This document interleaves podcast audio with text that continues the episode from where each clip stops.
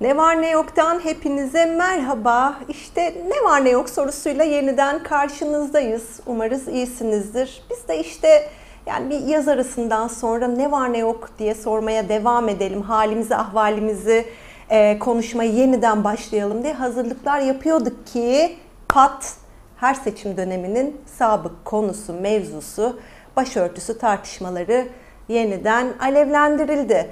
Şimdi tam da böyle bu, mecliste bundan sonra ağzımıza hapis cezalarıyla, hapis tehditleriyle vuracak sansür yasasının görüşüldüğü günlerde Kılıçdaroğlu'nun bir gece vakti masasının üstünde işte Türklüğün Esasları kitabı kenarda tesbihiyle yayınladığı bir video ile başörtüsü gündemi yeniden memleketin en önemli tartışma konularından bir tanesi haline geldi. Çarşamba günü de işte Erdoğan'ın grup, grup toplantısında yaptığı anayasa değişikliği çıkışıyla böyle alevler iyice harlandı.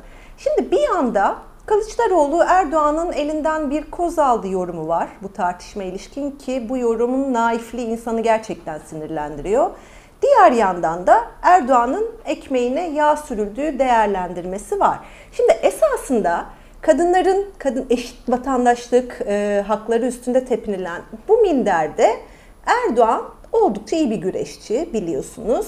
Ama herhalde başörtüsü tartışmasının ana öznelerinden bir tanesinin hatta ana öznesinin kadınlar olduğunu bilmeyen yoktur bu memlekette. Yani her ne kadar konuşmalarda ayarlar adam gibi adamsan filan sözleriyle e, yükseltiliyor olsa da Mevzu yine biz kadınlara, biz hep söylüyoruz ama değil mi yani pek çok ne var ne yok programında da defalarca söyledik.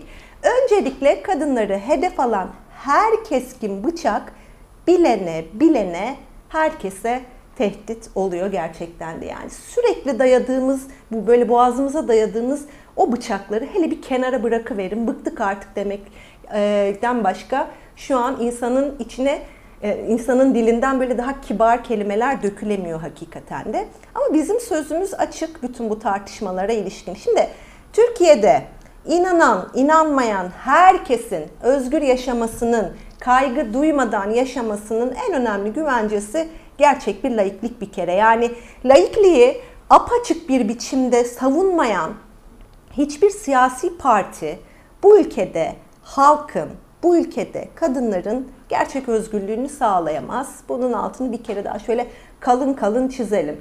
Şimdi gerçekten de bu ülkede gerçek bir laiklik hiçbir zaman tam anlamıyla yaşanmadı.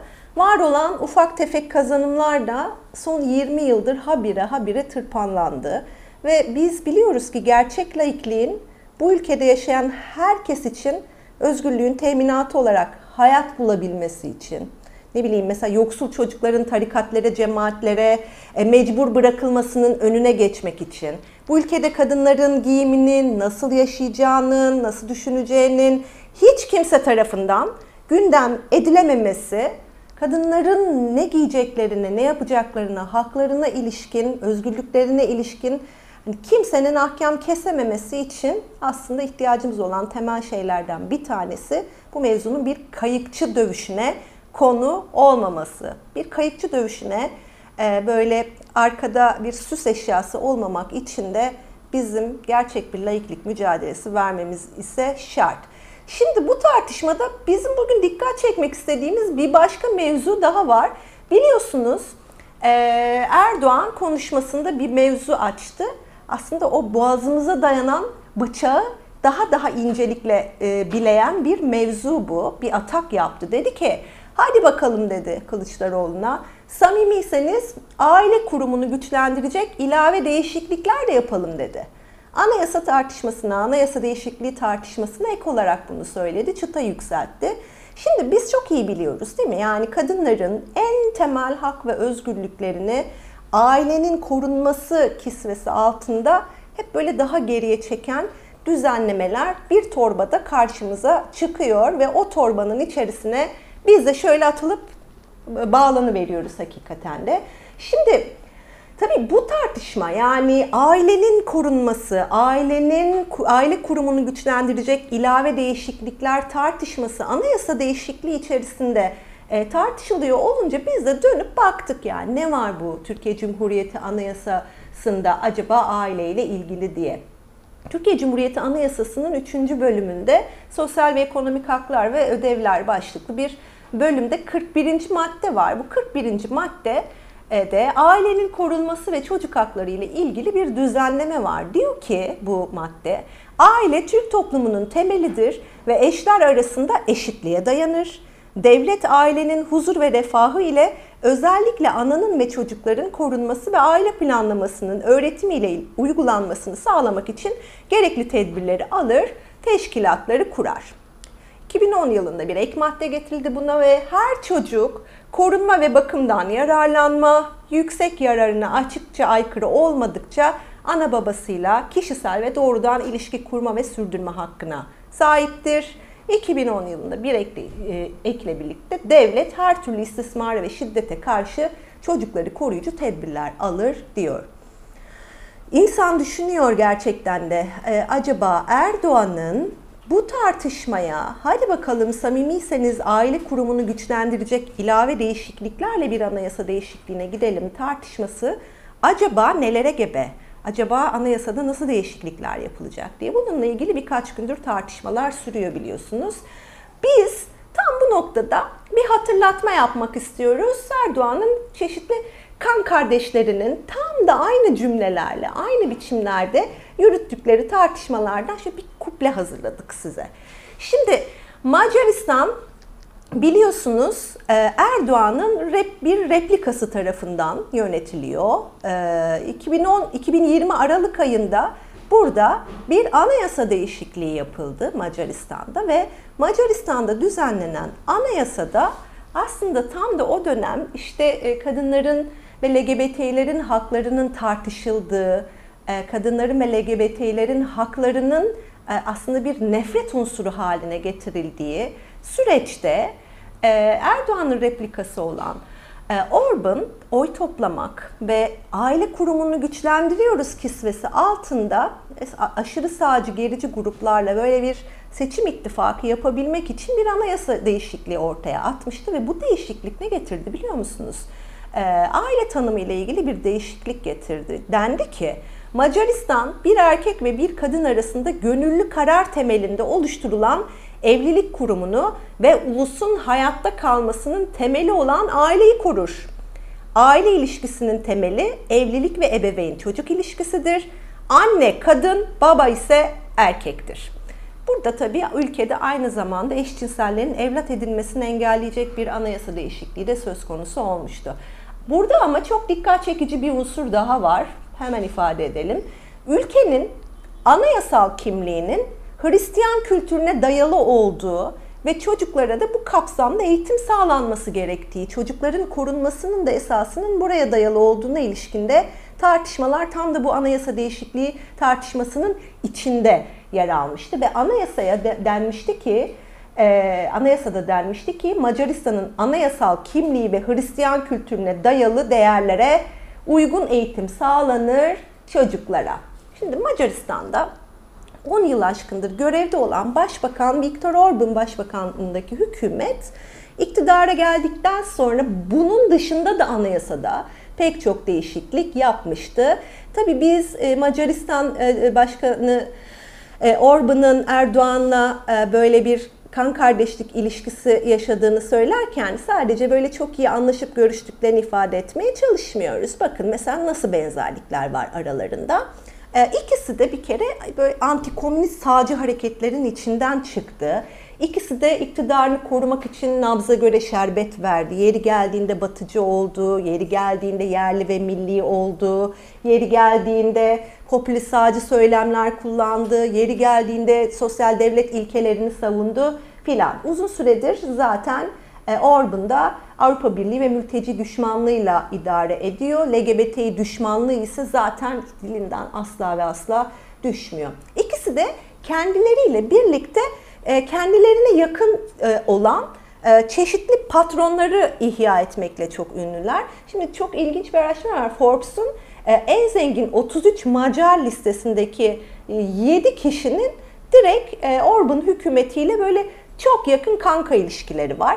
Bilmiyorum sayı 7 onlarda 7 hani bizde 5 diye daha aşağıda kaldığını hisseder mi Erdoğan onu bilemiyoruz tabi. Bir kere ikisi de hiç muhalif gazeteci efendim gazete falan hiç, sevmiyor yani. Mesela Orban'ı da uzun süredir muhalif bir gazetecinin karşısında falan gören olmadı.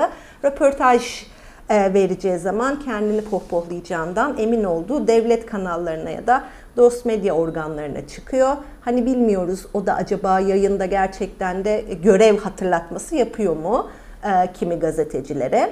İkisi de e, yeterince güç elde ettiğini düşündüğünde hani bunu böyle demokrasiyi iyice daraltacak bir anayasa değişikliğiyle muhakkak taçlandırıyor ve tüm kritik kurumları e, ele geçirme konusunda da anayasa sırtını gerçekten de e, yaslıyor. 2013'te anayasa değişikliğiyle Orban durdurulamaz hale gelmişti. Mesela ne yapmış biliyor musunuz? Anayasa Mahkemesi, Merkez Bankası, Yüksek Seçim Kurulu gibi kritik kurumlarla birlikte hani çok sayıda böyle özel görünümlü kurumda Orban'ın yandaşlarıyla dolmuş durumda.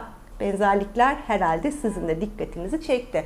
Yani şimdi hem bu başörtüsü tartışmasında, başörtüsü tartışmasıyla birlikte yükseltilen aile kurumunun güçlendirilmesi meselesinde yerli, milli hiçbir şey yok. Hakikaten de kıta Avrupa'sında ve Amerika'da yükselen aşırı sağcıların hatta kimi faşist yapıların ortaya koyduğu en temel argümanlar bizim yerli ve millicilerin dilinde karşımıza çıkarılabiliyor. Zaten bizim yaşadıklarımızda hiç de yalnızca bu memlekete has değil. Tam da buradan bağlantılandırmak istiyorum İran'a. İran'daki e, yaşa, İran'da yaşananlar da zaten İranlı kadınların yükselttiği mücadeleye de bu kadar kendimizi yakın hissetmemizin, bu kadar aslında yakından takip etme ihtiyacı hissetmemizin en temel sebeplerinden bir tanesi de bizim içinden geçtiğimiz süreç değil mi? Özdeşlikler kurmamız değil mi? İran'da 20 gündür sürüyor mücadele oldukça uzun zamandır çok büyük kayıplara rağmen gerçekten de halkın direnişi özellikle kadınların öne çıktığı bir biçimde sürmeye devam ediyor. 170 şehirde devam ediyor protestolar ve kimi illerde sokak eylemleri çok yaygın olarak devam ederken e, pek çok ilde de üniversiteli ve liselilerin eylemi özellikle son birkaç gündür çok dikkat çekiyor. E, ve bu eylemlerde liseli ve üniversiteli öğrenciler korkmayın hep birlikteyiz, diktatörü ölüm sloganları atıyorlar ve elbette ki kadın yaşam özgürlük sloganı bu e, bu e, direnişin en önemli sloganı haline gelmiş durumda.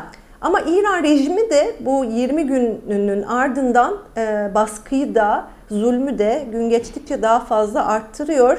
Şerif ve Tebriz üniversitelerinde polis öğrencileri kampüse kapatıp darp etti ve doğrudan ateş açtı.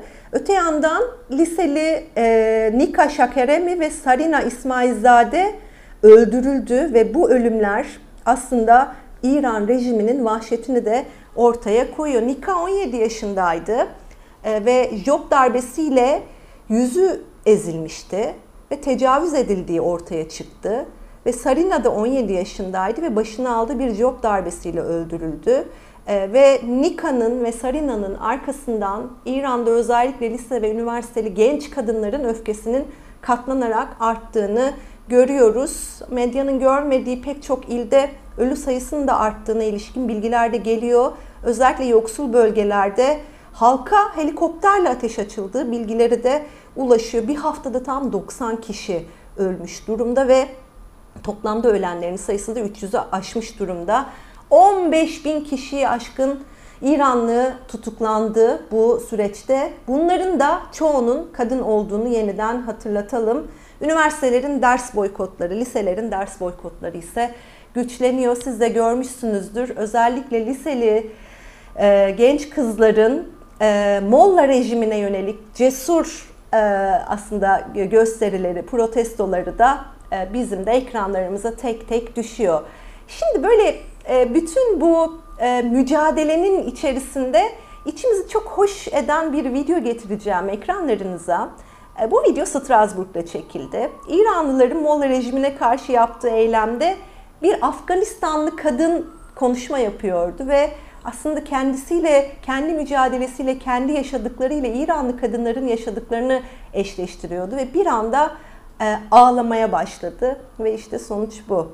Sonra e, Afganistanlı kadınlar elbette İranlı kadınları, İranlı kadınlar da elbette Afganistanlı kadınları çok iyi anladıkları için tek tek birbirlerine sarılıyorlar. Çok tatlı bir video paylaşmak istedik sizinle. Afganistan'da da kız çocukları öğrenim hakları için, eğitim hakları için sokaklarda. Geçen hafta Afganistan'ın Kabil kentinde Hazarların yaşadığı bir bölgede bir eğitim merkezi bombalandı. 50'ye aşkın kişi öldü. Bunların 27'si kız çocuğuydu.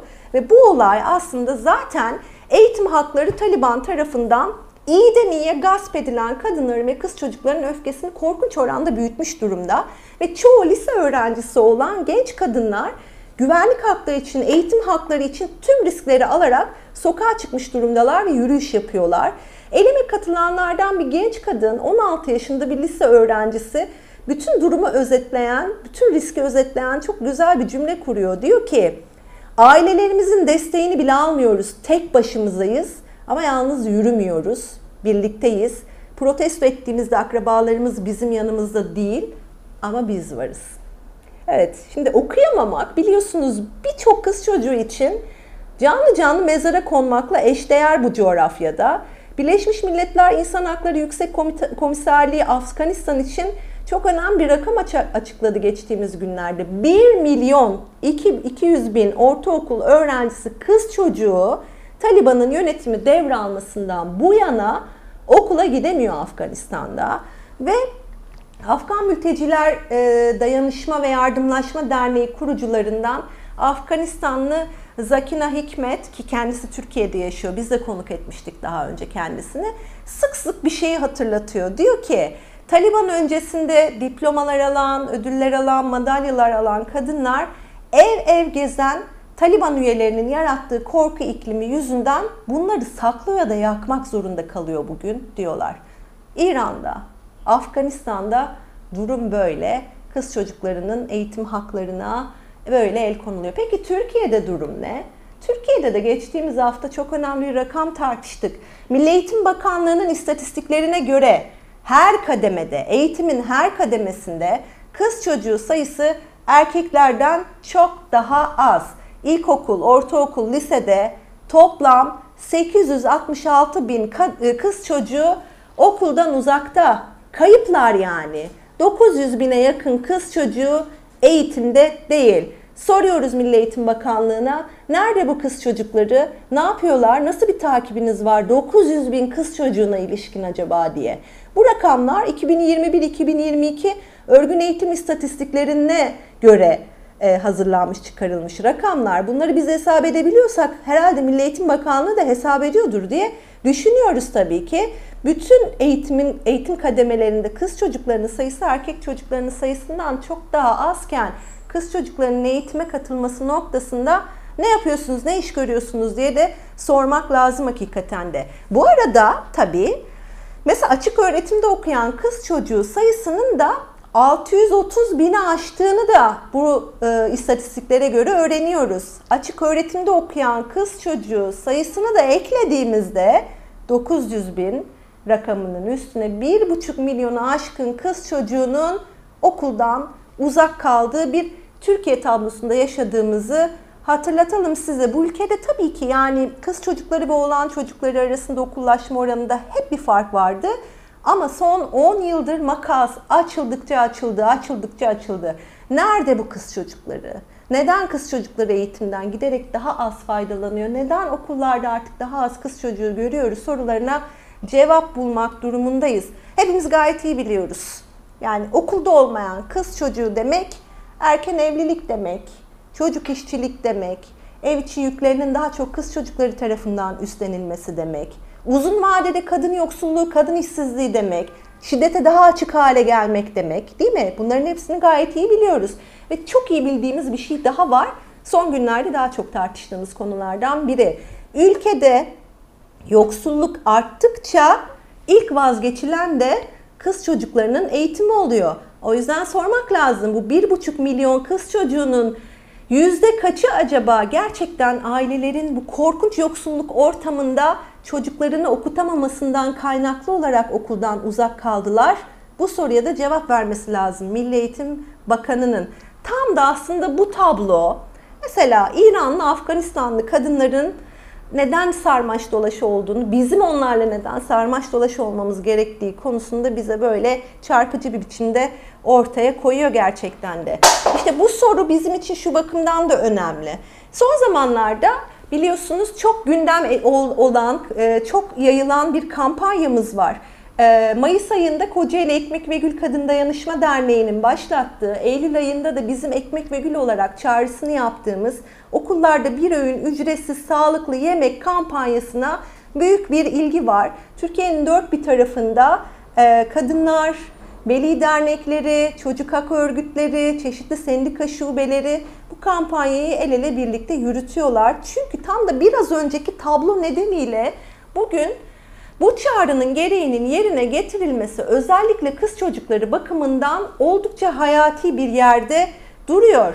Biz okullarda ücretsiz bir öğün sağlıklı yemek hakkının sağlanabileceğini biliyoruz. Buna kaynak olduğunu biliyoruz. Bunun gereğini devletin yerine getirebileceğini biliyoruz. Buna bütçe olduğunu biliyoruz. Bu bütçenin de yandaşlara verilen o kıyaklardan sağlanabileceğini de gayet iyi biliyoruz. Ve bu e, kampanyamızın üstüne pek çok milletvekili kanun teklifleri verdiler. Mecliste görüşülmeyi bekliyor bu kanun teklifleri. Biz mecliste başörtüsü tartışmaları yerine sansür yasası tartışmaları yerine tam da işte bu bir buçuk milyon kız çocuğunu okuldan eden, her dört çocuktan birini okula aç gitmesine neden olan bu sorunun, bu yoksulluk sorununun bir an önce gündeme alınması gerektiğini söylüyoruz ve hem bu kanun tekliflerinin takipçisi olacağımızı yeniden söylüyoruz. Hem de bu gereği yerine getirmeyen, bu hakkın gereğini yerine getirmeyen herkesi iktidarı özellikle Milli Eğitim Bakanlığı'nı, Sağlık Bakanlığı'nı, Aile ve Sosyal Politikalar Bakanlığı'nı da takipte olduğumuzu her fırsatta bu hakkın gereğinin yerine getirilmesini isteyeceğimizi de bir kez daha altını çiziyoruz. Nereden biliyoruz biz bu e, her e, çocuğa okulda ücretsiz bir öğün sağlıklı yemek sağlanabileceğini, buna kaynak olduğunu nereden biliyoruz? Vallahi devletin resmi rakamlarından biliyoruz. Geçtiğimiz günlerde bir rakam çıktı ortaya biliyorsunuz. 2019 yılında, bakın ta 2019 yılında yani kaç yıl önce Cumhurbaşkanlığının yıllık harcamasının bir önceki yıla göre 4 kat artışla o 3.6 milyar lira olduğunu öğrendik mesela. Yani yeni rejimin simgesi durumunda biliyorsunuz değil mi bu Cumhurbaşkanlığı Sarayı Külliyesi? Cumhurbaşkanlığı Sarayı'nın harcamaları Cumhurbaşkanı'nın yetkisi ve etki alanı ile birlikte artıyor da artıyor yani. Yani bugün Cumhurbaşkanlığı Sarayı'nın bir günlük harcamasının 10 milyar liraya ulaştığı bilgisiyle dop doluyuz hakikaten. Ha buramıza e, bıçağı dayıyor yani bu rakam. Ülkede yoksulluk sınırı 23 liraya 23 bin liraya dayanmış. Açlık sınırı 7250 liraya geçmiş. 30 milyona yakın insan açlık sınırının altında yaşıyor bu memlekette. Her dört çocuktan bir tanesi okula aç gidiyor ama sarayın masrafı maşallah 10 milyon lirayı bulmuş da bulmuş ama sufli olan biziz yani. Şimdi herhalde bu da bu epistemolojik kopuşun yol açtığı heterodoks ekonomilerde kafayı yemelik hesaplar olarak karşımızda ee, böyle sinir bozucu, asap bozucu biçimde duran rakamlardan bir tanesi. Şimdi bu arada sevgili izleyiciler bu rakamların üstüne söylemeden geçmeyelim. Şimdi sansür yasası geçince şu an görüşülmekte olan yasa muhtemelen hani resmi bir rapor olan bu Sayıştay raporunun sarayın günlük 10 milyon lira harcadığını söylediği e, hani bu raporu haber yapmak, sizinle böyle paylaşmak bile halkı kin ve e, düşmanlığa itmek kisvesi altında yasak olacak. Ama mevzumuz biliyorsunuz başörtüsü. Şimdi bir grupta çok güzel bir hatırlatma yapıldı. Ben de sizinle paylaşarak bugün ne var ne yoku sonuçla, e, sonlandırmak istiyorum, veda etmek istiyorum size. Şöyle bir paylaşım bu. Almanya'da 1930'lu yılların hukukçusu Sebastian Hafner, faşizmin inşa edildiği yıllar olan 1914 ile 33 yılları arasında Bir Almanın Hikayesi diye bir kitap yazmış ve o kitapta şöyle bir ifade var. Sosyal demokratlar 1933'teki seçim mücadelesini dehşet verecek kadar aşağılayıcı bir tarzda Nazilerin sloganlarının arkasına takılıp kendilerinin ne kadar milli olduğunu vurgulamaya çalışarak geçirmişti. Biz bildiğimizi bildiğimiz gibi anlatmaya, kimsenin sloganlarının, popülizminin arkasına takılmadan bildiğimizi söylemeye ve mücadele etmeye elbette ki devam edeceğiz. Gelecek hafta bakalım nelere de, e, nelere delireceğiz. Umarım akıl sağlığımızı koruduğumuz bir hafta olur. Görüşmek üzere.